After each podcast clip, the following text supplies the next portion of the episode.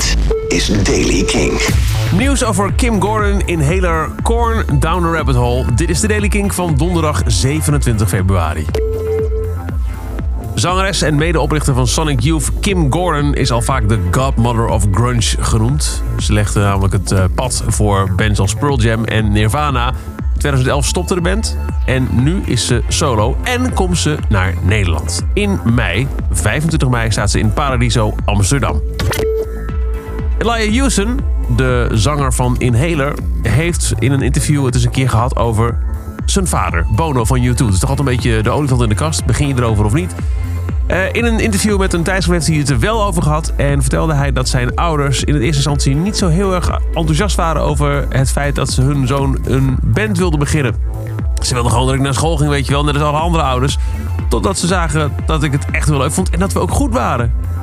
Dat zegt hij in het interview is eigenlijk wel het belangrijkste. Als we niet goed waren geweest, dan hadden ze ons echt wel gezegd: joh, stop ermee, ga naar school. Maar ze zijn echt heel erg supportive.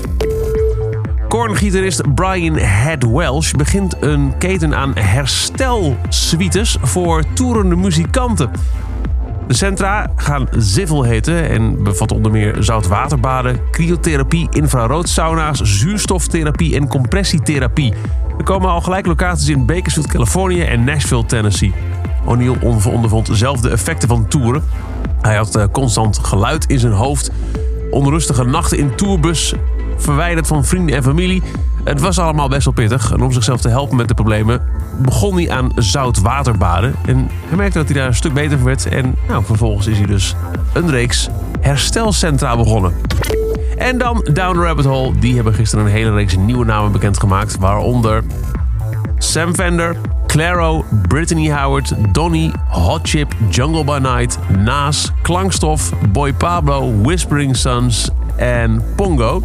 Maar tegelijkertijd hebben ze ook gezegd in een interview, en met ze bedoel ik Bente Bolman van Mojo in een interview met de Gelderlander, dat namen die ook al een poosje rondgaan, Tame Impala en Lana Del niet komen. We hebben Lana Del Rey wel geprobeerd te boeken, zegt Bolman in het interview, maar ze was helaas niet beschikbaar en ook Tame Impala komt niet. Of er nog een grote namen bij komen.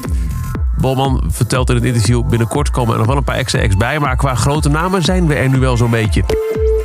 En tot zover de Daily King van donderdag 27 februari. Elke dag een paar minuten bij met het laatste muzieknieuws en nieuwe releases. Niks missen? Dan luister je elke dag via de Kink-app, kink.nl of waar je maar naar podcast luistert.